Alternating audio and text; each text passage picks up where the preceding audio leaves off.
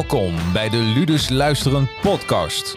De broers Aaron en Alex nemen je tijdens deze uitzending mee in de wereld van een eigen gym, personal training en sportspecifieke krachttraining. Tips, tricks, het delen van hun eigen ervaringen, klanten of topsporters. Je hoort het bij Ludus Luisteren. En we zijn live. Ludus Luisteren. En eh, natuurlijk niet eh, met mij, want dat zou echt helemaal geen Luisteren worden. Samen met Aaron. Aaron, ja, welkom. Goedemiddag. Ja, goedemiddag. Top man. Zitten we weer. Hij ben je een beetje bekomen met, eh, tijdens de laatste uitzending? Ja, zeker. Ja? Ja, was echt eh, was daar zeer over te spreken. Leuke reacties. Ja. Het creëert eh, hier en daar wat beweging. Dus dat is, eh, ja, is altijd leuk om, eh, om te zien. Ik denk dat dat ook een beetje het idee is natuurlijk. Ja, absoluut. Wat is er gebeurd eigenlijk naar de laatste uitzending? Je had het over de voetbalschool. Ja, la, la, la- na de laatste uitzending eigenlijk, eh, ja, zoals Gregor toen eigenlijk ook al zei, eh, waren we, waren we al met wat, eh, wat zaken bezig waar we er nog niet ons te veel over wilden uitlaten. Ja. Dus inmiddels hebben we een, ja, ons promofilmpje voor de voetbalschool hebben we gelanceerd. En daar Ja. is echt bizar veel op gereageerd. ja, echt, echt veel. Dus dat is wel echt goed om te horen. En we hebben eigenlijk ook de website helemaal dusdanig ingesteld, zodat eh, nou ja, mensen zich daarvoor kunnen aanmelden. En we hebben de startdatum ook van wanneer we de, willen starten met de eerste training. Dus eh, ja, we zijn nu eigenlijk nog met de, de laatste puntjes op de i bezig. En dan kunnen we per juni willen we daarmee gaan starten. Met, de, met de voetbaltrainingen daarvoor. Lekker man. Ja. En ja, als mensen echt, meer eh, willen weten, in uh, www.luduspt.nl. Ja, ja, en dan gewoon eh, ja, in, de, in de startbalk staat daar het kopje voetbalschool. Als je daarop drukt, dan staat er precies uitgelegd wat we eigenlijk doen. Ja. Dus eh, ja, wat ons eigenlijk onder- ook onderscheidt van, eh, van andere partijen. Met welke leeftijdscategorieën we werken. ehm, wat wij belangrijk vinden om, om eh, ja, mee te geven. En, ehm, en daaronder ja, daar, daar staat eigenlijk ook een aanmeldformulier. Maar die kunnen mensen eventueel ook gebruiken om vragen te stellen. eh, hoe of wat. Want ik denk dat er best wel wat vragen zijn. Absoluut. Ja, leuk. Daarover gesproken, over de Zeker, vragen. over de Mooi vragen. bruggetje. Trots. Ja, ehm, want eh, er reageren best veel mensen over de podcast. Ja, ja. En dat zagen we vorige keer ook natuurlijk. Ja, Tijdens de en, uitzending. en, en, en de snacks, en noem het maar op. Ehm, en de snacks zijn dan die korte videoclipjes... waar mensen even een, een element, een minuutje kunnen terugzien van de Ja. podcast. Nou, natuurlijk op social media, op Facebook. En jij krijgt dan best wel wat vragen. En Ja. je hebt die vragen van mij geïnventariseerd. Ja, ja. Dus eh, inderdaad, nou ja, vorige keer tijdens de uitzending, volgens mij, ja, de laatste uitzending was dat, Ja. hadden we al wat vragen. Ja. Waar we eigenlijk net te weinig tijd voor hadden om daar Precies. wat mee te doen. Maar Ja. wat wel vragen zijn die toch vaak terugkomen. Ja. Bijvoorbeeld rondom Ramadan kregen we toch wel wat vragen van. Nou, misschien is dat leuk om daarmee te beginnen. Want hoe ik heb... moet dat qua voeding en is het dan nog mogelijk om daar bepaalde doelstellingen mee te behalen? Ja. Dus ehm, En het was, de vraag was, kunnen we sporten tijdens Ramadan? En hoe gaan we dan om met de voeding? Ja. Wat we wel als eerste eh, onszelf moeten realiseren is dat, eh, nou ja, jij en ik, eh bewijs van, om even twee mensen te noemen, die volgen natuurlijk niet de Ramadan. Dus Nee. het is meer vanuit de theorie dat je zo'n vraag gaat beantwoorden. Ja. Maar ik denk dat het ook wel een keer leuk zou zijn om dat zelf te ervaren. Dus ik denk dat Ja. ik, eh, als iemand het me daar een keer van gaat uitdagen, dan, eh, dan ga ik die uitdaging volgende keer wel aan. Wat Maar dan zou ik het misschien wat meer op eigen ervaring kunnen, ehm, nou, je kunnen verantwoorden. Maar kort gezegd, ja, ik denk dat je nog steeds kan sporten tijdens Ramadan. Ehm, ik denk dat er wel meer wordt gevraagd van je planmatigheid en je structuur, waar we het natuurlijk de laatste tijd veel over hebben gehad. Ja. Omdat je natuurlijk wel verbonden bent aan bepaalde restricties. Je mag Ja. maar, eh, nou, volgens mij mochten ze nu vaak om eh, tien over half negen mochten ze beginnen met eten, eh, zeg maar in de, begin, in de eerste week. Ja. En dan mag je eten tot volgens mij een uurtje vier of vijf. Dus dan heb je wel een korte, een kort, kort tijdsblok van wanneer je zou mogen, mogen eten. En een belangrijke voorwaarde van, van trainen en resultaat is natuurlijk wel slaap. Dus als jij natuurlijk de hele nacht bezig bent met, eh, met eten en drinken en weinig slaap. En de volgende ochtend eh, gaat jouw wekker gewoon weer om zeven of acht uur omdat je naar werk moet gaan. Ja, dan wordt het natuurlijk wel wat lastiger. Maar eh, ik denk als je daar goed mee omgaat en echt een goede planning voor jezelf maakt, dan zou dat zeker wel, dan zou dat zeker wel kunnen, ja.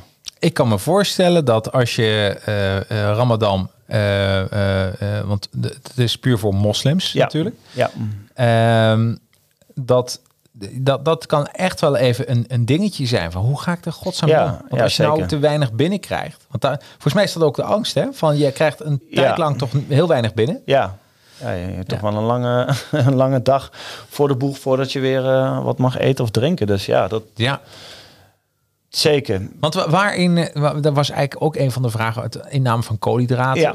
Wat is nou, nou de grens van eh, eh, wanneer heb je nou eh, te weinig of te veel en hoe moet je daarmee omgaan? Is heel erg wisselend ehm, per persoon. Ja, Omdat wij doen vaak een berekening. eh, die is afgestemd op nou ja, jouw, jouw gegevens, lengte, leeftijd, vetvrije massa. Ja, Ehm, en daar hebben we een, een berekening voor. Dan kijken we nog van, nou weet je, hoe ziet jouw dag eruit? Heb je actieve dagen? Eh, heb je een actief beroep of niet? En Ja. dat, is, dat maakt allemaal het onderscheid in hoeveel eh, wij jou zouden adviseren om binnen te krijgen. Dus Ja. dat, dat is niet voor één persoon vast te leggen. Eh, dat doen we dus op, op basis van een berekening. ja. En, maar ja, dan zie je toch wel snel dat ehm, ik denk dat er echt veel mensen zijn, wat wij in de praktijk ervaren, die gewoon echt te weinig eten. Toch wel. Ja, echt te weinig eten. Dus dan vragen we ook aan mensen, goh, weet je, eh, heb je het gevoel dat je voldoende eet? Ja, ja, zeker. En dan gaan we het uitrekenen en dan komen ze nog ineens aan 1200 calorieën of Ja, zo. ja, ja, ja, ja. En dat is wel echt, ehm, ja, echt gewoon veel te weinig. Ja. Weet je, alleen voor je ruststofwisseling, dus dat is zeg maar je homeostase, dat is gewoon het in leven zijn, om het zo maar te zeggen. Ja, Dat vergt vaak al tussen de, nou ja, laten we het even zo zeggen, tussen de 14 en 1800 calorieën. Ah, dus Dus dat is een rustase, dat Ja. je eigenlijk helemaal niets doet. Dus dat is nog geen eens jouw ADL meegenomen, jouw algemeen dagelijkse, of jouw activiteiten in jouw algemeen dagelijks leven. ja? En dan ook nog geen eens jouw sportmomenten daarin meegenomen. Dus voor niets doen verbrand je al. Ja, ja zeker. Dat is een goed nieuws. Ja, ja gelukkig wel.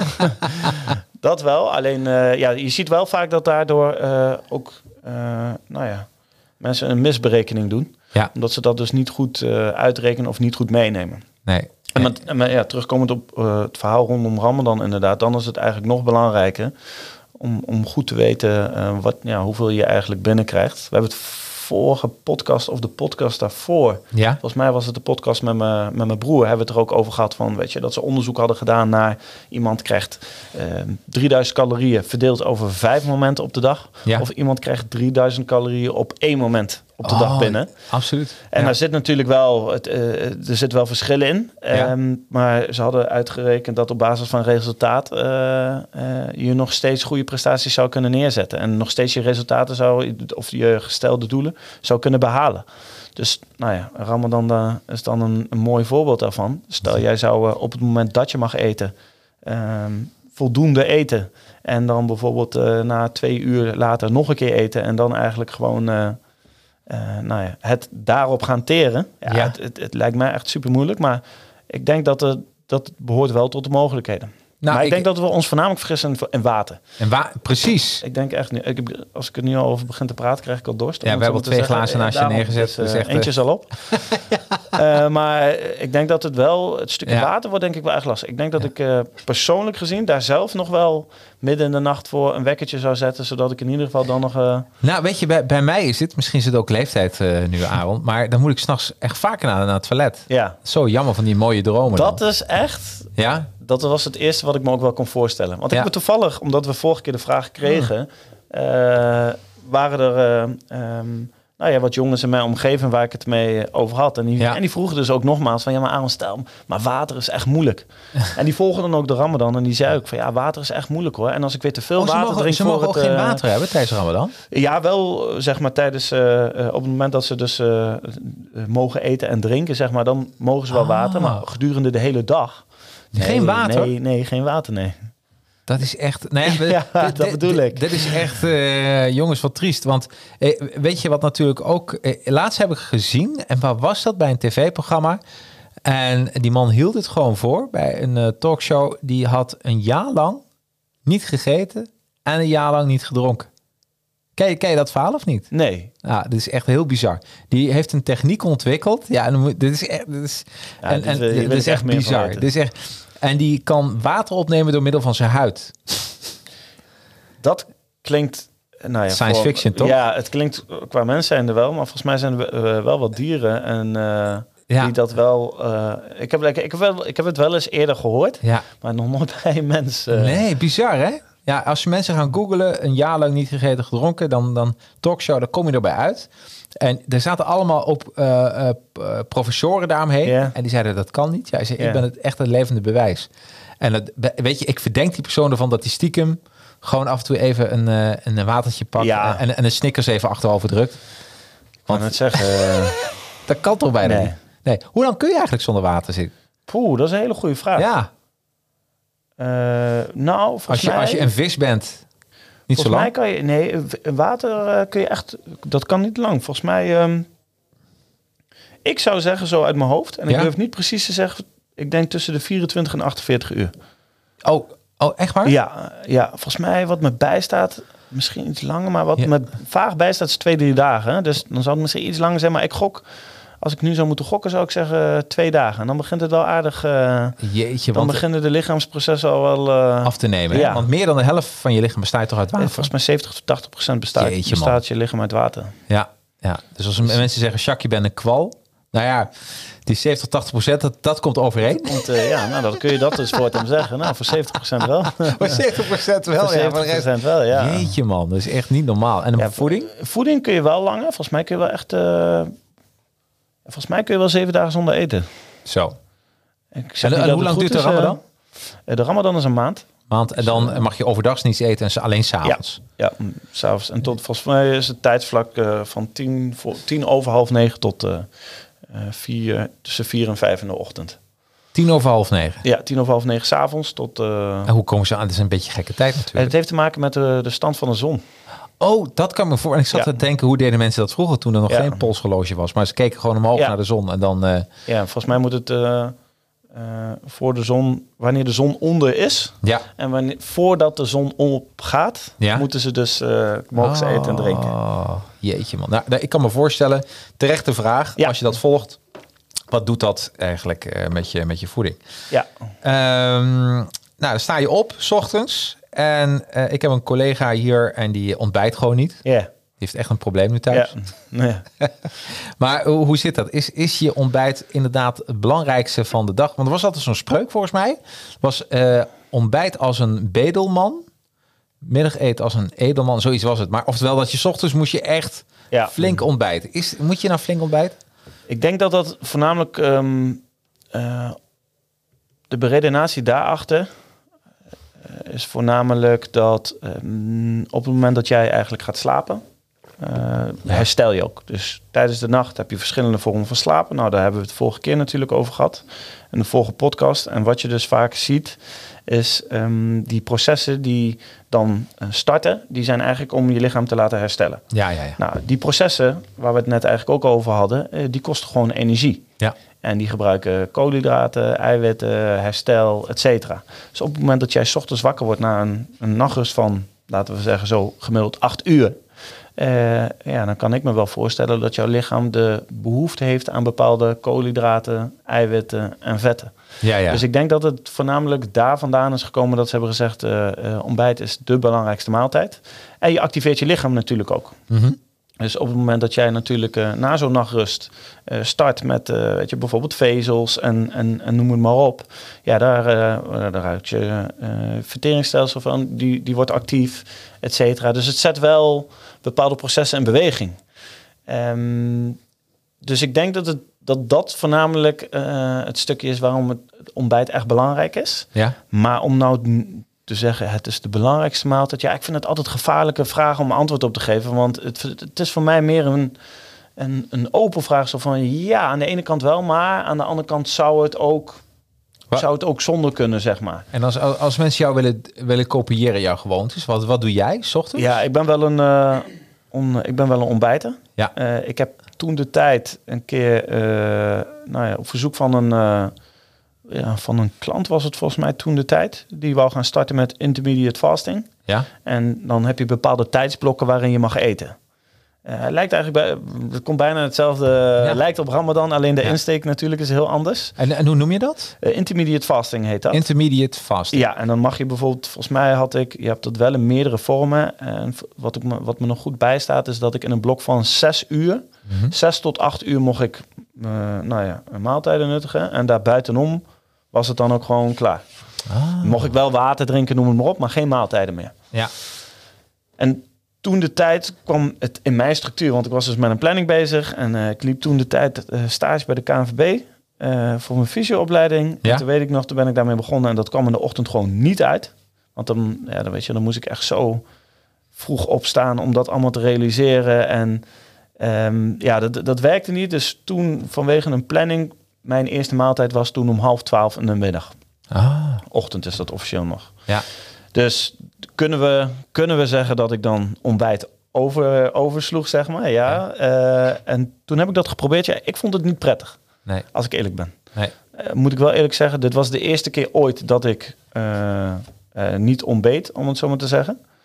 Ehm, en ik heb wel eens dat ik bijvoorbeeld als ik 's ochtends vroeg moet gaan trainen, dat ik bij het opstaan alleen een banaantje neem. En dan pas eh, mijn grote gedeelte van het ontbijt eh, na de training. Ja, ja. En dat is dan puur gewoon omdat ik, eh, ja, ik, ik vind krachttraining op een nuchtere maag. Echt- nee, dat- daar, daar word ik niet heel vrolijk van. En ik merk het ook echt ja. in mijn prestaties. Ja. Wanneer het cardio, cardio-activiteiten zijn, heb ik er minder moeite mee. Mhm. Ehm, dus ja, dat is, het is een beetje een, een dubbel antwoord op die, op die vraag. Ik denk als jij voldoende binnenkrijgt gedurende de dag, ja, dan ontbijt je later. Dus het Ja. is niet dat je niet ontbijt, maar een ontbijt je later. Ja. Ehm, dus, en, en anders zouden we daar, eh, dan zouden we daar volgende keer veel dieper op in moeten gaan. Ja, ik begrijp. Nee, maar ik kan me voorstellen, heb ik zelf ook, dat als ik eh, eh, ontbijt, 's ochtends, dan, ben je, dan voel je je ook sterker Ja. in de loop van de dag. En je kan, je- misschien is het ook een beetje wanneer worden de, de, de meeste prestaties van je verwacht. Ja, Ja, als je ochtends gaat sporten, Ja. ik weet niet of het dan slim is om, om, om dat te skippen. ja, ja, nou eh, weet je, je hebt bijvoorbeeld natuurlijk ook je bloedsuikerspiegel. Ja, En die laat zich best wel, eh, of die laat zich gewoon beïnvloeden door, eh, door, ja, Het door de- eten. ja, door, door koolhydraten in dit Ja. geval voornamelijk. Ehm, en dan zie je ook vaak als klanten bij ons binnenkomen en die eigenlijk bijvoorbeeld zeggen, ja, bij elke maaltijd neem ik een stukje fruit. En dat wij dan wel eens zeggen van ja, oké, en hoe merk je dat qua energie? Ja, ik merk wel, ik heb moeite. ja, Ik, ja. ik heb soms echt dipjes gedurende de dag. ja. En dan is dat bijvoorbeeld ook het eerste stukje wat we dan eruit halen. Van ja, weet je, je neemt wel elk moment van de dag eh, suikers. Dus wat je wel creëert, is een soort wisseling daarin. Ja. En eigenlijk wat je wil, is een soort constante lijn. En je lichaam hetgene geven wanneer hij het echt nodig heeft. Kijk, heb jij een workout gehad Ja. en je bent door al je koolhydraten en suikers, glucogenen, eh, voorraad heen eh, gebrand, om het zo maar te zeggen. Ja, dan heeft je lichaam wel weer de, de, de vraag om dat aan te vullen. Ja. Weet je, we, we hebben tegenwoordig van die smartwatches. En Ja, ik zou het zo fijn vinden als, er, eh, als, als je in de toekomst gewoon zou zeggen van... Jacques, je komt dit even tekort. ja. Ik denk, dat het, fantastisch ik, zijn? ik denk dat het niet lang meer gaat duren. Als Nee, dat denk ik ook niet. Tegenwoordig heb je zoveel apps die, ik bedoel, die, die, die Apple Watch zegt nu af en toe al van, weet je, je, je zit te lang. Ga staan. Ja. Dat ik af en toe denk van, oké, nou ja. eh, Dat, oh, doet hij dat bij, doet hij bij jou ja, ook natuurlijk? Ja, ja, ja, Dan gaat hij even trillen. Ja, het ook. is eh, volgens mij, eh, al, die, al die apps zijn allemaal hetzelfde. Ja. Welke, horloge je nou ook... Maar volgens mij, de app, ik heb een Samsung, zo'n. Samsung Gear. Ja. En ja, eigenlijk, laatst vroeg mij iemand, wat heb je er nou aan? En, en dat is wel een goede vraag eigenlijk. Hè? Wat, waar, en waar het mij eigenlijk eh, om gaat, is als je een intervaltraining doet, vind ik hem heel fijn. Dus een Ja. interval-app Ja. op, hè? dat je precies, eh, dat eh, even, dan voel je trillen aan je pols. Ja. Weet je, oh, ik moet nu weer wat anders gaan doen.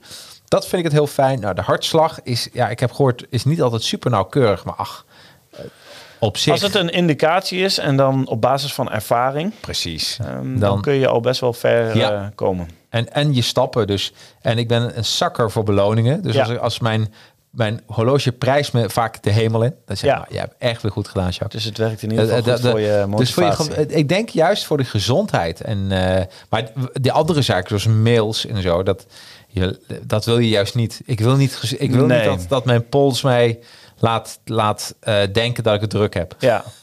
Ja, tijdens het sport in ieder geval sowieso niet. Nee. Dan wil je daar niet eh, te veel eh, in afgeleid worden. Of WhatsApp je. Ja. Hè? Eh, dus die kun je maar. Maar wat, gebru- hoe gebruik jij jouw ik gebruik hem echt voornamelijk voor inderdaad ehm, eh, mijn calorieverbruik tijdens, tijdens bepaalde sportactiviteiten. Ehm, Doet hij dat vrij nauwkeurig bij jou? Ja, ik moet eerlijk zeggen, ja, we, we zetten, ik zet er daarnaast dan altijd een berekening tegenover, zeg maar. Ja, Ehm, en dan op basis van wat ik dan in de praktijk eh, meet, Ja? op basis eh, daarvan zeg maar, probeer ik dan een, een berekening te maken. En dat zit wel vaak... eh, Oh, wauw, dat heb ik nog dat, nooit... dat, is- dat, dat komt eh, behoorlijk nauw samen. Ik ben benieuwd als mensen een, een, een smartwatch gebruiken, laat ook even weten eh, in de reacties of eh naar de hand. Ja. Hè? Of dat kun je sturen naar info.luduspt.nl van hoe jij je smartwatch gebruikt. Want ik denk dat heel veel mensen, ik denk dat dit heel erg bijhelpt voor meehelpt voor je voor je fitheid. Ja, zeker. Sowieso wat ik zeg. Ik gebruik zelf dan, eh, als ik eerlijk ben, de hartslag vaak. Ja. De timer. Dus Ja. of het nou een aflopende tijd is of inderdaad een interval die ik instel. Ja. om verbruik gedurende de dag eigenlijk bij te houden of tijdens sportactiviteiten. En maar dat is wel voornamelijk waar ik hem tijdens het sporten ja, eigenlijk gebruik. En het aantal is een, stappen? eh, mm, nee. Nee, niet. Ja, dat is voor Nee, mij wel. ik ik heb beweeg, natuurlijk ben eh, zo'n kantoordier. Ja, En dan eh, bij mij is, eh, eh, ja, ik, eh, mijn, mijn, mijn horloge die gaat mij eh, complimenteren als ik meer Ja. dan 7000 stappen heb gezet. kijk eens aan.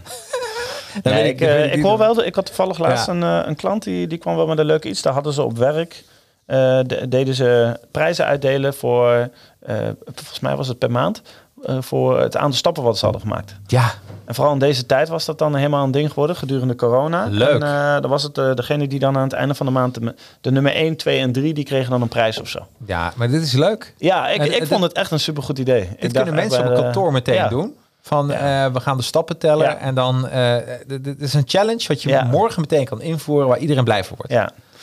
Ja, dus ja, zolang daar niet mee gefraudeerd wordt, dan eh, is dat een superleuk. eh ik ga even met mijn horloge een rondje gaan lopen. Ja, zeg maar. precies. Ja, Dat precies. moet je dan wel voorkomen. Maar Ja. het, ik denk het initiatief, het is meer voor de mensen zelf natuurlijk ook. En Ja. ik, eh, wat ik begreep van die klant is, die was er heel positief over. Ja. Die zei ook echt, je merkt dat bepaalde mensen die dit voorheen nooit zo zouden oppakken, nu echt bewuste keuze maken om daar gewoon een... Het is een stukje wat je samen doet, dus Ja, iedereen doet hoe, leuk, mee. hoe leuk is dat niet? een beetje competitie is altijd goed. En, en het, het is ook echt zo. Ik heb tot nu toe heb ik 5167 stappen gezet.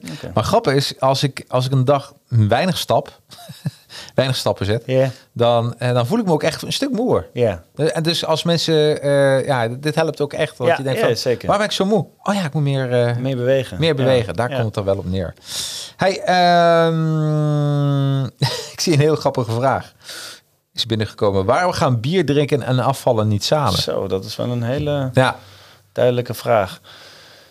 Is de vraag eh, of, of het niet samen, waarom het niet samen gaat Ja. of of het niet samen gaat? Nou ja, eh, eh, of, ja eigenlijk, die, die persoon heeft een conclusie getrokken, denk ik. Waarom gaan bier drinken en afvallen niet samen? Ja. Maar ik weet ook dat er biologen zijn die betwisten dit. Ja, dat, dat geloof ik sowieso wel, ja. ja de- wat zeg je? A, is het, gaat het samen? Ehm, nou ja, waar mensen zich denk ik sowieso alweer vaak in vergissen... is Ja. dat bier natuurlijk behoorlijk veel calorieën bevat per eh, pintje, om het zo maar te zeggen. Ja. Ehm, en natuurlijk daarnaast alcohol. Kijk, zeker voor, eh, voor je, je spieropbouw is eh, alcohol natuurlijk niet heel, heel gunstig. En door alcohol nou, heb je ook de kans dat je... ehm, ja, ik, ik denk in totaliteit dat het niet... ik zou het niet snel samenvoegen. Maar Nee. laten we zeggen, voor de Bourgondiërs onder ons... Ja. Die zegt van ja, maar Aaron, ik eh, doe het sporten om eh, eh, ook gewoon zo gezond te blijven. Maar mijn, mijn ontspanning is wel mijn Bourgondische leefstijl. Ja. Ik denk dat het wel mogelijk is om te combineren. Alleen komen we weer op hetzelfde terug. Het is dan wel weer die structuur. Structuur, hè? Ja, die structuur van, weet je, wanneer... Kijk, ga je dat willekeurig gewoon zelf in, inplannen of wat dan ook. Of je denkt van, joh, ik heb gewoon nu zin in bier, dus ik ga gewoon nu bier drinken Ja.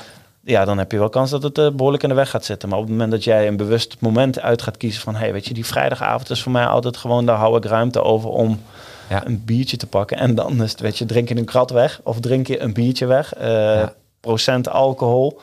Eh, dat zijn natuurlijk wel allemaal factoren die meespelen. Dus ik denk niet zozeer dat het per definitie het volledig in de weg zou zitten. Maar het vergt dan wel wat... wat, wat pla- planmatig vermogen, zeg maar. eh. Nou, ik moet zeggen, hè, ehm, en dat is wel grappig. Ik heb eh, ehm, vorig jaar had ik gezegd van ik ga helemaal stoppen met alcohol. ja, Vorig jaar. ja, En wat ik wel eens doe op zaterdag nu, is een whiskietje. Ja. Een klein whisky. Maar dan komt hij, als wij, eh, en dan we houden ons aan de coronaregels. Ja. Als wij, eh, eh, tenminste als ik sport en jij mee traint. Ik Hè? zet het voor je klaar en jij doet lekker je ding. Ja, zeker? ja, precies. En dan, ehm, eh, maar dan merk ik gewoon dat als ik een avond van tevoren, als mijn vriendin vraagt, goh, wil je wat drinken? Ja. Wat alcoholisch, zeg ik nee. Ja. Omdat ik gewoon weet, en dat is zo mooi van zo- zo'n structuur van sporten, Ja. Dat dat gewoon je, ja, weet je, je, je, je wilt wel presteren. Je Ja. wilt niet met een, eh, ook al, en dat zo stam ook al, ik merk het verschil ook echt. Ook al heb ik maar één biertje op, een of andere mijn lichaam die, die, ja, ik merk dat. Ja. Of het is psychologisch, weet ik niet. Maar ik, je staat, je hebt net niet dat randje waar je overheen gaat. Ja. ja, zeker. Kijk, en dat zorgt natuurlijk wel voor resultaat. Want Ja. als jij er al zo in staat en je maakt bewust die keuzes op basis van eh, wat je probeert te bereiken. En ik denk dat dat ook eh, vooral het stukje is rondom die, eh, die vraag. Want jij zegt Precies. het eigenlijk zelf nu ook. Je bent nou, veel afgevallen. Ja, Eh, toch best wel wat spiermassa ook opgebouwd. alleen maar. Terwijl eigenlijk vanaf het moment dat wij zijn gestart, je wel hebt aangegeven, joh Aaron, ik heb één ding en dat Ja. is dat whiskietje. ja, En die wil ik er in ieder geval één keer in de week wel inhouden. ja, Ja, als je die bewust gaat plannen, ja. dan zie je dus dat je toch nog steeds resultaat kunt bereiken. Dus je bent eigenlijk het levende bewijs eh, ja, op, absoluut. Nou, die, we- eh, op die vraag. ja, Maar wat ik zeg, het vraagt wel veel van eh, je, ja, je planmatigheid, je structuur en eigenlijk ook je discipline. Want in hoeverre hou je het dan ook echt bij één whiskietje? ja. Weet je, kun je die weerstand Kun je bedwingen. ja. Dus dat En- zijn wel. En dan niet, zoals ik, begin gewoon die Ja. glazen even iets voller gieten. Nee, nee, nee, doe het wel precies, eerlijk. Juist. Nee, ja, je ziet op de op social media toch altijd van, eh, dan zeggen mensen, ja, ik drink één wijntje en dan hebben ze echt zo'n Ja, joekel zo'n van. Een, eh, Ja. van een glas waar een hele fles in gaat. Ja, Nee, zo zou het dan niet moeten gaan. Maar dan zie je dus dat je nog steeds resultaat kunt behalen. Ehm, ik, zou nog, ik zou niet zeggen dat het dan nog steeds goed is, om het zo maar te zeggen. Maar ja, kijk, eh, als dat jou zoveel ontspanning geeft en je krijgt daar eh, een, eh, een goede state of mind door. ja, Ja, dan, eh, ja, dan zou ik het eh, ja, aanraden, is een groot woord. Maar dan, weet je, ontspanning is soms even belangrijk als, eh, als presteren of... eh, nou, dat, Of, wordt, eh, dat wordt dus niet verbeterd. Hetzelfde als een sigaartje roken. ja, Hè? Want een sigaartje roken doe ik ook wel eens. Ja. Maar dan, dat is voor mij puur ontspanning. Maar Ja. men meet alleen maar de nicotine en wat Ja. er slecht is. Maar ik weet zeker dat... Het, heeft ook iets, iets ja, er komen denk ik bepaalde stoffen vrij, hè? Maar ook de rust, Ja, hè? Want ja. het is geen sigaret. Een sigaret is steek je aan, rook je op. Maar een sigaar, dan ga je, dan ga je een beetje mijmeren. Ja. ja maar ik vind sigaar ook, eh, ik vind sigaar ook een stijl. Ja, ik ook. Ben. Ja, ik heb ook een pijp. Ja. Een pijp en sigaar, dit, gaat, eh, dit, dit, deze, dit gesprek vliegt Ja. natuurlijk helemaal uit de bocht. Maar het voordeel van een pijp is dat eh, dat is echt werken. Ja, Want dat moet je aan blijven stellen. Moet je, eh, je bent echt geconcentreerd op, op Ja. je pijp. Nou ja, weet je, in alle mindfulness trainingen eh, moet je concentreren op één ding. En eigenlijk is een pijp Ja. een grote mindfulness eh, ding. ja. Ja, ja dat, eh, ik kan me daar wel iets bij voorstellen in ieder geval. Ja, ja dus eh, Want ja, wat doen we? 9 van de 10 mensen die stress heeft, die steekt dan... eh, en die roken, die steken op dat moment dan een, eh, ja. een eh, sigaar of een, een, een sigaretje op. Of Ja. wat dan ook, ja. Ja, ja. Dus, eh, maar daar is zo goed wat je zegt. Gewoon kijk, eh, en, en we kunnen onszelf heel goed voor de gek houden, maar alles met mate. En Ja, wij zijn wel wat praktischer. In de zin van, op het moment dat je alles wordt ontnomen... en je bent heel strikt en streng alleen maar met dingen bezig... dan voelt dat ook zo. ja, Kijk, eh, als ik tegen jou zeg, ja, Jacarino, ehm, je moet hier eh 24 uur binnen blijven. Ja. Ja, dan vind je het vervelend om hier binnen te blijven. Maar Precies. zeg ik tegen jou, ja, ja Jacarino, ga maar gewoon lekker werken. Eh, Dan werk je een dag van eh 10 tot 12 uur weg. Zonder, Ja. snap wat ik bedoel? Het is maar net de, de, de, de interpretatie, zeg maar, de, de indruk die iemand dan ergens van krijgt. En het, ehm, en wat waar, relateer, je- waar relateer je het aan, Ja. zeg maar? Ja, En ik denk dat dat wel belangrijk is bij die vraag. Ja. Van eh, op het moment dat je daar verantwoordelijk eh, en gedisciplineerd mee overweg kan, dan zou, ik, dan zou ik niet zeggen dat je je resultaten niet kunt behalen. nee. Dus heel, ik, ik las laatst een boek, er stond iemand van, als ik acht weken de tijd krijg om een bos om te zagen, Ja, zou ik vijf weken gebruiken, eh, vijf weken gebruiken om mijn bijl te scherpen. En wat hij daarmee bedoelt is eh, eh, een plan. Maar gewoon ook een, een, Ja. echt een plan voor jezelf. En je ziet gewoon, ik denk dat als je hier allemaal niet aan kan houden, dan, dan ligt er iets met je plan. Dat Ja. je daar geen structuur volgens mij in Ja. hebt gemaakt. ja ik denk dat eh, wisselvalligheid de grootste, Ja, hè? de grootste beperkende factor in een resultaat kan zijn. Ja, ja. Weet je ook hoeveel weken je eigenlijk... je hoort wel eens dat als mensen dan niet meer stoppen met sporten, Ja. worden ze heel depressief. Ja, hoeveel, hoeveel weken moet je minimaal sporten? Wil je dat gevoel blijven houden? Dat je denkt van, oké, als ik nu stop, dan... eh, Poeh, dat is best een goede vraag. Ik, eh, ik moet eerlijk zeggen, ik heb die vraag nog nooit eerder gehad. Ehm, kijk, in de beginfase... Ja, dat is een goede vraag eigenlijk. Als ik daar zo over na zit te denken... en ik probeer het nou een beetje voor te stellen. Ik weet niet of daar precies een tijd aan verbonden zit. Kijk, vaak als mensen bij ons beginnen... dan, ja, dan leggen we bij hun neer van... joh, binnen drie tot zes maanden ga je pas echt de daadwerkelijke verschillen ervaren... ja. maar ook zien. ja. Ehm, en in de fase daarvoor is het voornamelijk de uitvoering die beter wordt. Daarna komt er een stukje uithoudingsvermogen wat verbeterd is. Daarna komt er een stukje kracht wat er verbeterd is. Eh, daarna zie je als mensen nou ja, voldoende calorieën eigenlijk verbranden, dat er eigenlijk het vetpercentage ook naar pas omlaag gaat. Ja. Dus er zitten wel bepaalde fases aan verbonden. Ehm, maar ik denk op het moment dat iemand echt in een bepaalde structuur zit. Dus laten we zeggen, ik zou zeggen tussen de drie en zes maanden. Als ik er echt een antwoord Ja, op zou ja, moeten ja, geven. ja, Zeg maar, stel ik zou er echt een, een tijd aan moeten binden, dan Dat zou ik zeggen ik drie tot zes maanden. Ik denk als je drie tot zes maanden echt gestructureerd bezig bent en je hebt het plan echt eigen gemaakt. Dus je structuur echt eigen gemaakt. Op het moment dat je dan één of twee of drie trainingen gaat missen, denk ik echt al wel dat je het gaat missen.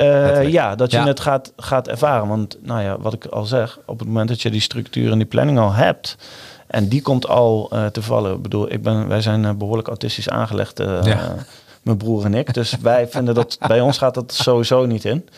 Ik begin, mijn, mijn, vrouw komt uit Italië, dus we Ja. gaan vaak naar schoonfamilie in Italië. En de Ja. eerste paar jaren dat ik daar kwam, was ik in mijn hoofd al helemaal bezig van tevoren van wat kan ik eventueel meenemen wat niet te zwaar is en waar ik wel goed mee kan trainen. Eh, wanneer ga ik trainen? Hoe ga ik mijn schema instellen als ik die spullen niet heb? Dus daar was ik de eerste week dan ook echt mee bezig. Ja.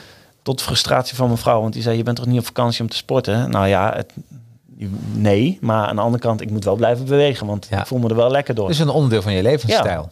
Dus d- daaraan zie je ook al snel dat je merkt van ehm, eh, ja, dat het wel ehm, dat het wel eh, lastiger wordt. Dat het wel echt dat je het als vervelend gaat ervaren. Ja. Eh, maar ja, dat kan ook de valkuil zijn. Hè? Daardoor, ik heb heel lang gedacht van ik moet nooit rusten. Of tenminste, ik moet nooit een, een rustweek inplannen. Ja, Oh, totdat ja. ik eh, een paar keer echt doodziek werd. En gewoon dacht van ja, eh, nou misschien moet ik maar wel eens even, even een keer rustiger aan doen. Daar had ik gewoon in een hele korte periode dat ik echt gewoon vaak ziek werd, ziek werd, ziek werd. Nou, dan had ik weer voldoende geslapen en eh, voldoende gegeten. En dan ging het wel weer, maar dat, je bouwt op een gegeven moment gewoon een bepaalde overbelasting op. Oh, dus heel mooi, want er zijn een aantal vragen eh, wat er zeker eh, ook met die rust te maken heeft. Ja. Ehm, eentje is, vond ik wel een hele mooie, hoe belangrijk is slaap voor spierherstel en afvallen aankomen? Ja, nou ja, net waar we het net al over gehad hebben. Die lichaamsprocessen die s'avonds of s'nachts tijdens de slaap uh, ingezet worden, die zijn natuurlijk extreem belangrijk om goed te kunnen herstellen. Om Ja, ja. vervolgens, weet je, alles weer te voorzien van, uh, van bepaalde stoffen. Uh, alle afvalstoffen afvoeren. Dus, uh, en ik denk ook mentaal. Vooral mentaal, daarom heb je ook dat onderscheid tussen een, uh, een lichtere slaap en een diepere slaap. Ja. Uh, waarin je dan echt merkt van, oké, weet je, dat je je gedachten daarin ook wat vrij, uh, vrij laat gaan, wat losser laat gaan. Ja. Um, dus ja, daar, dat is extreem belangrijk. Ik denk dat dat echt het meest bepalende is. Dus met andere woorden, als ik een klant heb die zes dagen in de week keihard traint, in feite voldoende calorieën zou verbranden om zoveel kilo vet per maand te verliezen, Ja. dan zou dat nog steeds niet tot uitwerking komen op het moment dat die persoon te weinig uh, nou ja, nachtrust slaap krijgt. Wa- wa- wanneer, wel, hoeveel moet je minimaal slapen? Heb je ook ja, ik ben echt voor? van acht, uh, acht uur. acht uur slaap. Ja, mm. Dus Hoewel ik in de praktijk wel echt heb gezien dat er echt mensen zijn die toch nog steeds bepaalde uh, doelen kunnen behalen met minder. ja. Dus ja, weet je, ik noem sommige mensen gewoon uh, vampiers, vleermuizen. die leven gewoon wat meer s'nachts. En of die, die, ja, die, die zijn Ja. daar gewoon anders in. Of dat is hun aangeleerd, of dat ik weet niet wat het is. Maar uh, structureel gezien zou ik wel zeggen dat ik, dat ik de meeste resultaten heb zien behaald worden met minimaal acht uur slaap. ja. Te veel slaap is natuurlijk ook niet goed, hè? Nee. Wat gebeurt er met te veel slaap? Eh, ik denk als je te veel slaapt, eh, dat je voornamelijk dat het gewoon moeilijker is om op gang te komen eigenlijk. Oh ja. Dus je, je krijgt een, eigenlijk een dusdanige hoeveelheid aan, eh, ja, eh, aan inactiviteit. Hmm. Dat, dat, jou, dat je het je juist, ja, alsof je door stroop beweegt. ja, begrijp ik. Ja, ja. Of je moet 's ochtends gaan sporten.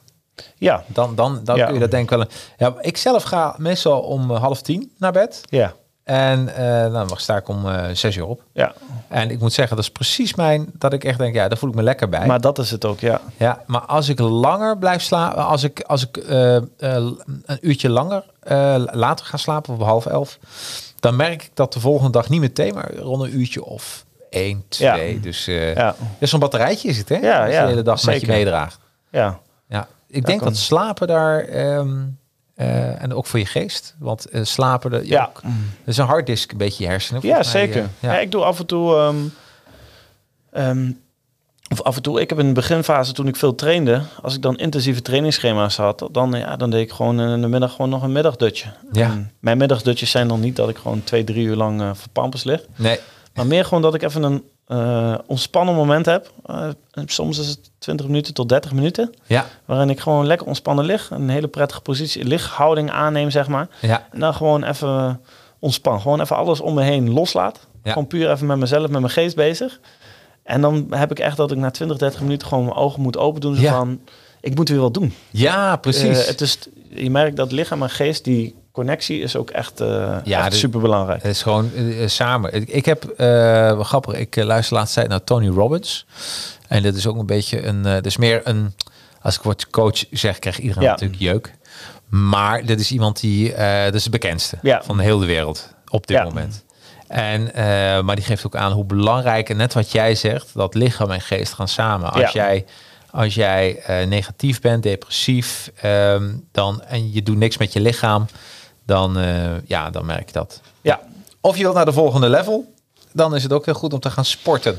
ja. Hè? Ook voor je geest. Hey, eh, dan kregen we nog een vraag. Eh, wat is het voordeel van compound oefeningen? En ik dacht bij mezelf, compound oefeningen? Wat, Ja. is com- wat zijn dat? Ehm compound oefeningen zijn eigenlijk, nou, dat zijn voornamelijk de basisoefeningen waar wij Ja. mee werken. Dus oefeningen waar ook veel spiergroepen tegelijkertijd actief zijn. ja? Waaronder bijvoorbeeld squat, eh, eh, bankdrukken, eh, een, een, een, OHP, dus een overhead press. Ehm, dat zijn eigenlijk de, ja, de, de, de basisoefeningen, de compound oefeningen. En daarna heb je ook nog wat meer iso- isolerend werk. Ja? Dus dat zijn eigenlijk isolatieoefeningen, zijn eigenlijk meer de oefeningen waar je echt probeert te focussen op één spiergroep. Oh. En de, de compound oefeningen zijn over het algemeen ook de wat zwaardere oefeningen. En wat is een voorbeeld dan? Eh, nou ja, wat je bijvoorbeeld ziet bij de, bij de squat bijvoorbeeld, Ah. is dat je wel een bepaalde houding in je bovenrug nodig hebt. Je hebt een bepaalde kracht in je core nodig om Ja. die druk op te kunnen vangen. Ja. En dan probeer je de oefening vervolgens in te zetten als een, als een, als een beenoefening. Ah, en dan heb je de bilspieren die werken daarmee, de hamstrings die werken Ja. daarmee. Ja, Eh, dus dat, je ziet dat hoeveel spiergroepen er eigenlijk actief zijn om één beweging in te zetten die wel voornamelijk gefocust is op de, de beenspieren, de bovenbeenspieren. Mhm. Maar hoeveel spieren er eigenlijk actief moeten zijn om dat te kunnen bewerkstelligen. Dat is misschien ook wel eh, eh, daarvoor, toen ik nog niet bij jou trainde, had ik heel vaak een rug, eh, rugpijn. Ja, En volgens mij is dat ook omdat de spieren dan zijn te los of zo? Moet je het, kun je het Ja, er kunnen Want meerdere dingen dat zijn. nu niet meer. er kunnen meerdere dingen zijn. Wat we dus ook vaak zien is dat mensen de beweging verkeerd inzetten. Kijk, als je een oefening doet en je probeert vanuit je hoofd de juiste spiergroepen actiever in te zetten, dan zet je die beweging heel anders in dan wanneer je dat niet doet. Dus daar Ja. begint het vaak al mee. Dat kan vaak een beperkende factor zijn. Op het moment dat jij eh, de hele dag op de stoel zit en je gaat daarna in één keer met de, de stang op de rug, moet je een squatbeweging maken waarin je onder de rug op druk komt te staan. Ja. En die heeft eigenlijk de hele dag in dezelfde positie gezeten. En die Ja. wordt nu door die squat eigenlijk gedwongen om druk op te vangen en zelfs nog een beetje mee te gaan bewegen. Ja. Ja, dan zeggen mensen, hé, hey, dat, dat voelt raar. Ja, Ik precies. denk een perfect voorbeeld is als ik de hele dag nu zo ga zitten. ja. De hele dag. Ja, dan ga en dan eh, na een dag kom ik jou tegen en dan zeg jij tegen me, ja, Aaron, eh, strek je armen weer. Dan duurt het denk ik gewoon nog een dag voordat ik die arm weer, omdat die gewoon gewend is in die positie te ja zitten. precies, precies. Dus dat zien wij ook vaak bij onderrugklachten. ja. Eh, dat die naar voren komen tijdens het sporten. En dan dus ook eigenlijk, omdat die spier dus zo weinig wordt gebruikt of geactiveerd wordt, eh, dat hij ook gewoon nou ja, te weinig uithoudingsvermogen heeft of te weinig kracht heeft. Ja. Of te weinig lengte, dat, dat kan dus ook nog. Ja. En dus dat zijn eigenlijk meerdere factoren die eh, kunnen bepalen dat je nou, je onderrug gaat voelen eh, in de, in de beginperiode van, van het sporten. Ja. Oh, en nou ja, wat we dus ook nog vaak zien, of je doet de beweging gewoon helemaal fout. Ja, precies. Nou, bij, bij, bij mij was het wel magisch, want voordat ik bij jou sportte had ik dus rugklachten. Ja, Toen ben ik gaan sporten. Ja. Eh, en eh, nou, voor de loop van tijd verdwenen die klachten Ja. gewoon. Maar ik denk dat het dan, dus de spieropbouw eh, in mijn core, ja, dat die alles een beetje opvangen. Ja, ja je, en je, je weet waar de oefening voor bedoeld is. Dus je gaat vanuit je hoofd ook de beweging anders insturen. Ja. Je maakt de juiste bewegingen, ehm, eh, zeg maar, door middel van de, eh, de juiste gewrichten en spieren zeg maar, in te zetten. Ja. En als je dat dus ook doet en daarna bouw je dus ook wat meer, eh, ja, wat core strength op. Ja, dan zul je ook zien dat die onderrug op een gegeven moment veel meer de druk kan voortduren bij wijze van als we over een squat praten. Ja, ja, ja, ja, ja. ja. En daarom zie je ook dat wij soms bij onderrugklachten specifiek wel onderrugoefeningen doen. Waarin we bijvoorbeeld nou ja, een stiff-legged deadlift. Ja. Dus dat is eigenlijk een oefening waarin je rechtop staat, een lichte kniebuiging maakt en dan je de, de, de beweging inzet vanuit de heupen. Dus je duwt je heupen naar achteren, waardoor je eigenlijk een hele nette buiging voorover maakt met de rechterrug. En vervolgens weer de heupen naar voren duwt, waardoor je weer rechtop komt te staan. en waar hou je de stang dan?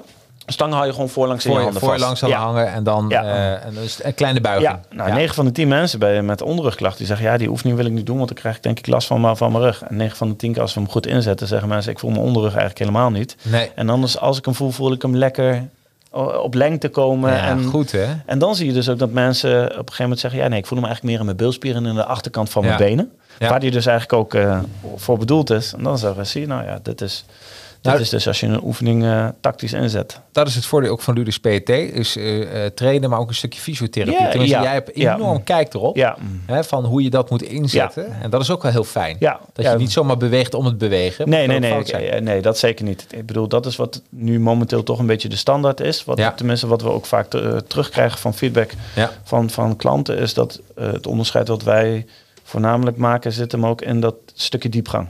Het niet zomaar doen van, eh, nou, dat is een leuke oefening. Nee, En zeg precies. ja, nou, top, Aaron, maar waar is die eigenlijk voor? Zeg, poeh, zou ik echt niet weten, maar het ziet er superleuk uit, dus we Ja. gaan het gewoon doen. Ja. En word je er moe van? Ja, nou, dan gaan we door. Ja. Nee, het is wel, er moet wel iets meer onderbouwing bij komen kijken. Ja. Dat is natuurlijk ook het mooie met die, eh, waarom we vorige keer natuurlijk met Gregor in die podcast hebben gezeten. Wat we willen bereiken met die, ehm, wat we met Gregor wouden bereiken in persoon, maar dus ook wat we nu met de voetbalschool, willen bereiken. Is dat eh, ook daarin eh, zijn we extreem eh individu, indiva, zo, per, Per individu. individu. Ja. Ja, ik wou het op een hele mooie manier. eh, Ik moet net zoals ik doen. Gewoon lekker sim, individu. Zo, nou, ik zeg je eerlijk, als we niet live zouden zijn, zou ik net zo lang doorgaan. tot ik hem, had je niet tot moeten ik hem- ik wou net zeggen, ja, tot ik, totdat ik hem zou hebben.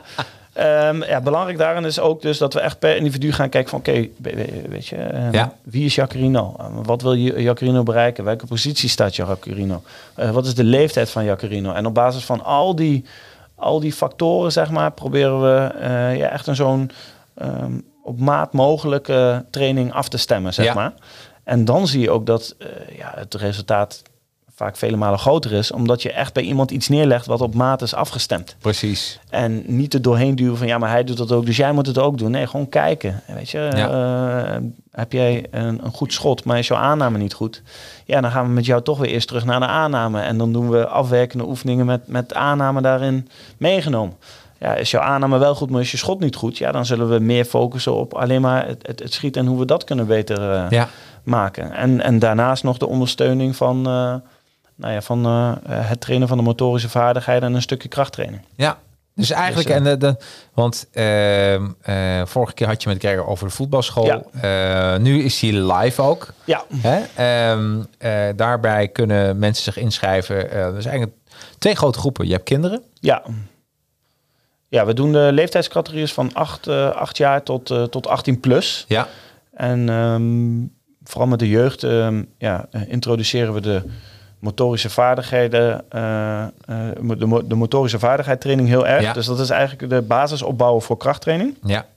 Dus er zitten ook bepaalde elementen al in die wij in, in, in de krachtruimte eigenlijk ook doen. Ja. Alleen zetten we die dan eh, ja, wat, wat meer in met, eh, met, met eigen lichaamsgewicht en met steps en met eh, elastieken en met balansballen. En proberen we daar die kleine jochies al heel erg mee te triggeren.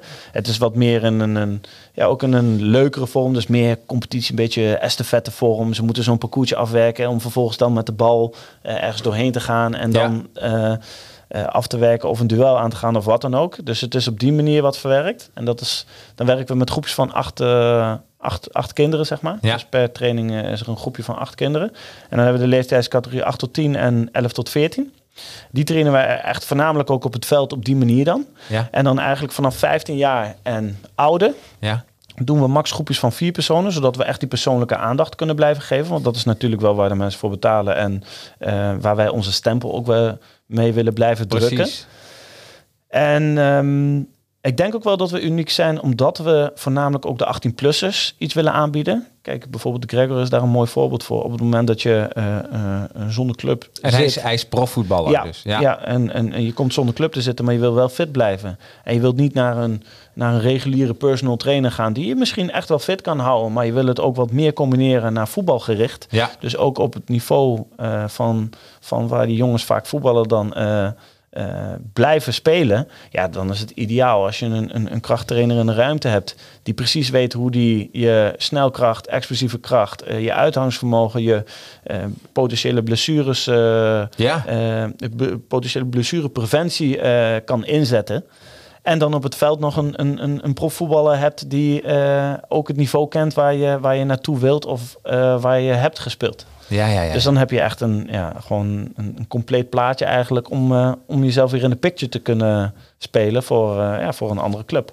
Eh, Zie je soms ook blessures bij voetballers dat je denkt dat het had makkelijk voorkomen kunnen worden? Ja, Ja, maar wat is nou wat is eigenlijk de, de topblessure waarvan je denkt, nou, Ja, ik, ik, ik zou niet zeggen dat het per, per definitie een blessure is. Maar wat je toch wel vaak ziet is, wat wij vaak ook binnenkrijgen, voetballers met onderrugklachten.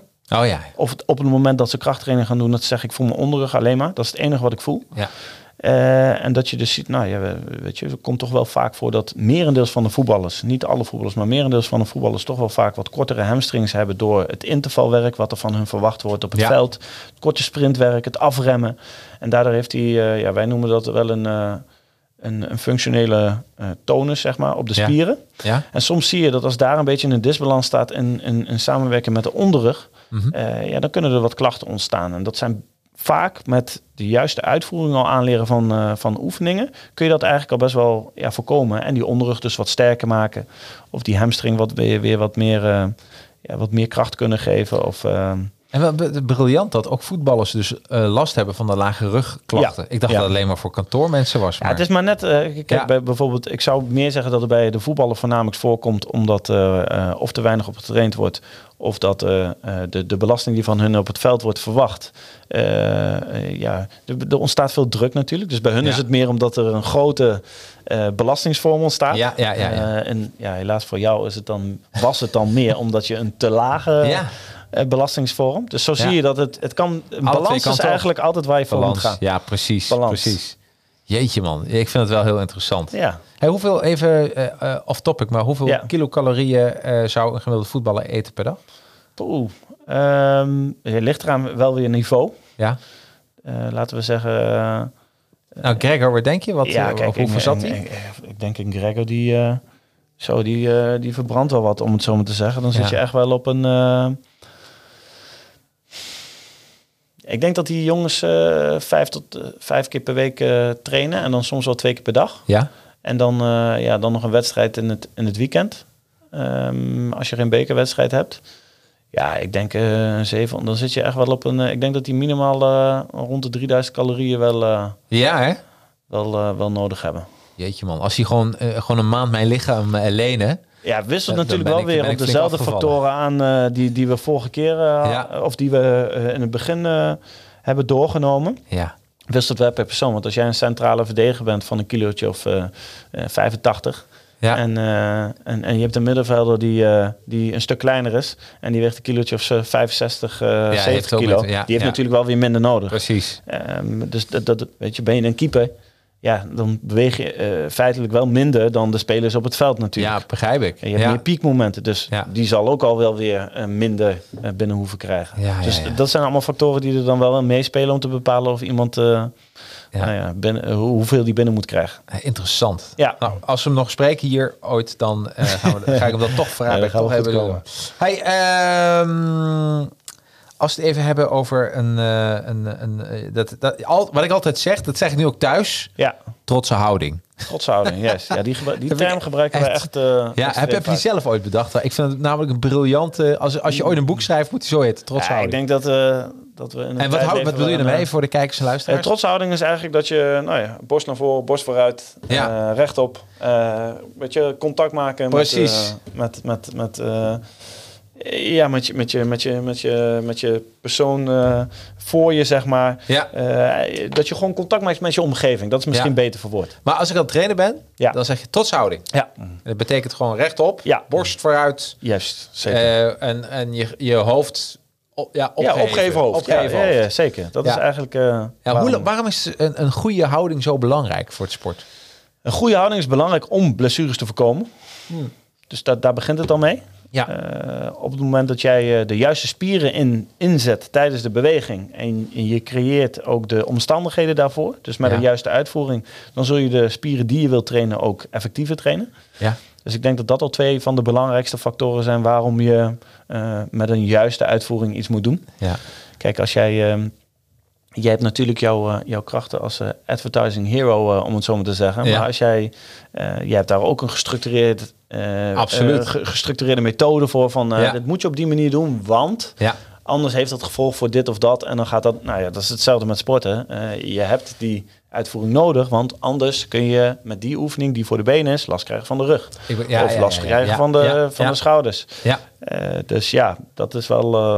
ik denk dat dat kort gezegd wel het antwoord is op die vraag. Nou, waarom ik dat ook vraag, en het, ik begrijp wat je zegt hoor, dat je op die manier goed kan trainen. Maar zou het, eh, eh, wat ik zelf ook merk, een trotshouding, dat ook het psychologisch iets doet. Ja, ja de, en de, in de beginfase heb ik daar nooit echt bij stilgestaan. Ja. Eh, want ik krijg best wel vaak mensen ook binnen die, ja, die, die eh, qua zelfvertrouwen eh, Ja. best wel een, een deuk hebben opgelopen. Ja.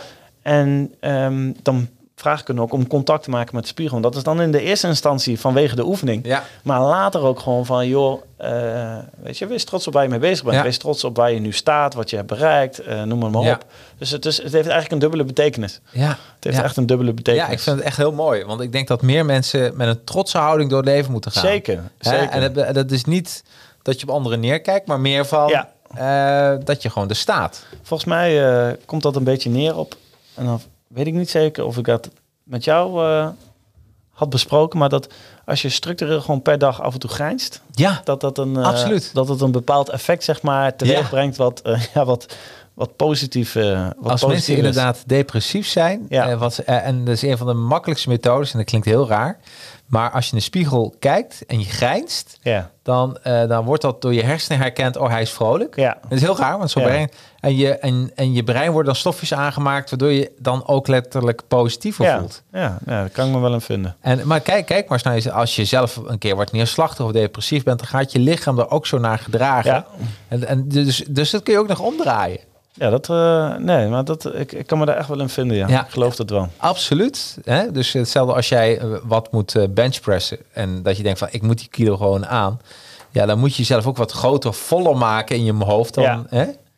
Toevallig hadden ze daar, was wel grappig, hebben ze een keer een onderzoek naar gedaan over wat de beste emotie is om mee te gaan trainen. Oh, en welke was dat? Wat me, wat ik me, en dat weet ik niet zeker, want heel veel mensen dachten woede, Ja? maar dat was niet het geval. Nee? Ehm, de slechtste emotie om mee te gaan trainen was eh, verdriet. Ja? ik kan me voorstellen. Ja, dus Ja. Dat, dat, dat, dat was. Alle kracht volgens mij de, de beste was angst. Angst. Omdat, ja, wat ik me kan herinneren was de beste emotie om mee te trainen was angst. Omdat je dan omdat er dan meer ehm, stresshormoon, dus cortisol, in je lichaam Ja. zit.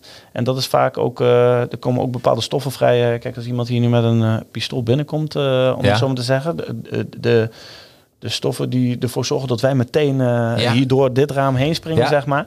Ehm, dat zou dus ook een bepaald effect hebben op je training. wanneer je dus met zo'n gevoel Oh. training gaat doen. Nou, als ik even naar ik als Ik ga hem proberen op te zoeken Ja, en dan, dan ga, ik hem, ga ik hem sturen. Want nou, nou ben ik ook wel weer nieuwsgierig. Want dat is echt een tijd geleden.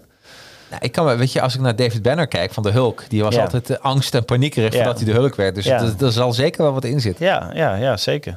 ja, bij hem werd het wel voornamelijk ingezet als woede. Maar eh, Ja, da- daarna werd hij heel boos. ja, zeker. ja, ja. Ja, Oh, wat goed. Nou, Dus, dus eh, ik vind ook dat jij dan plicht hebt om mensen gewoon bang te maken. Ja. Ik loop ook echt, zeg maar, in, in andere tijden dan liep ik ook gewoon met een stok rond. Ja, En dan zei ik ook gewoon tegen klant van, joh, als het niet lukt, dan Ja, wellicht werkt dit wat beter. precies, precies. Ik ben jouw stok. Maar op een gegeven moment heb ik wel geleerd dat zeg maar eh, fysieke eh, Nee. toepassing minder effectief werkt dan bijvoorbeeld te zeggen van joh, het wordt een extra ronde of En het geeft ook zo'n rotzooi. Het geeft zo'n Ja, precies.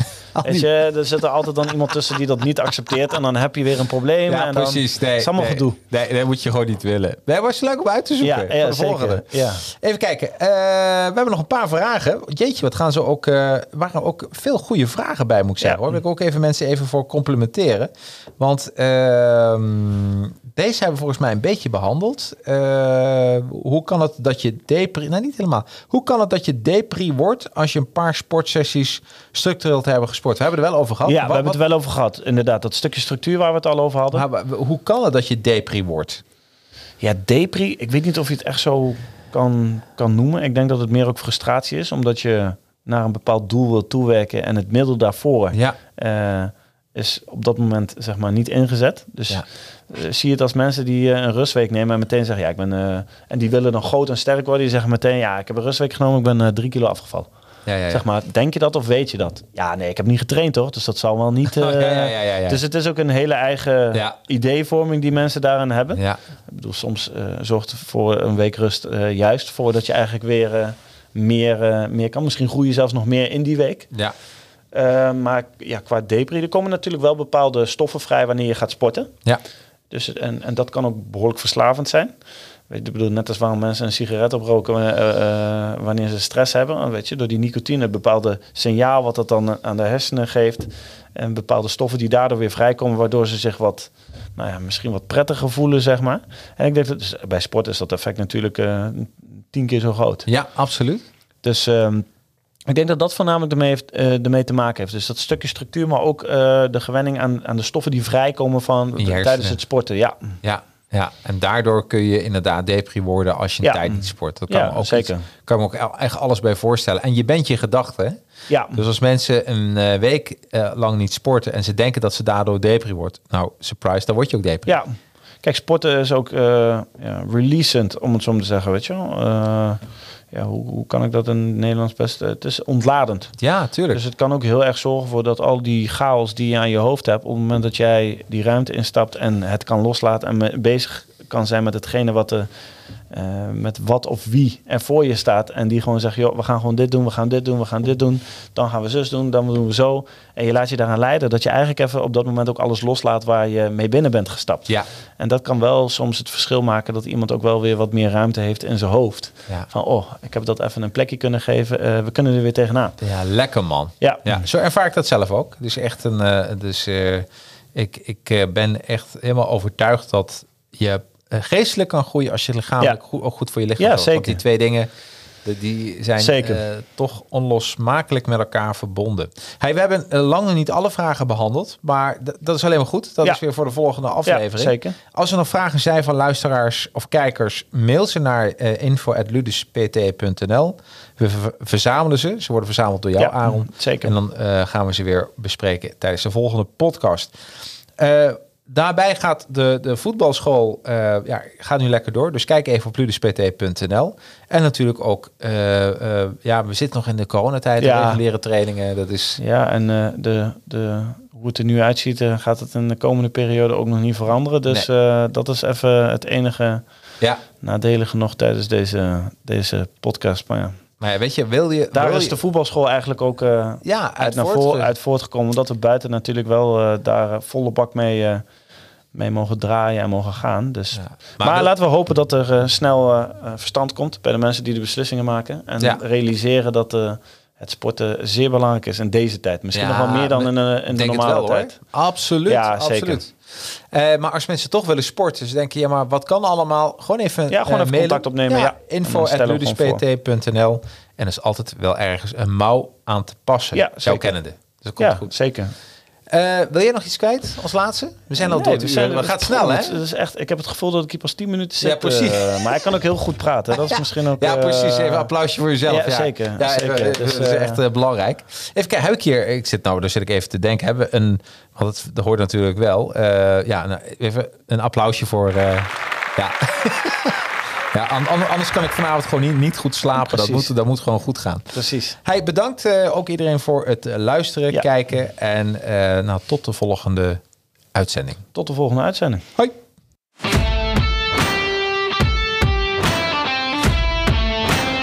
Bedankt dat je geluisterd hebt naar Ludus Luisteren. Wil je meer weten over Ludus of direct een afspraak inplannen?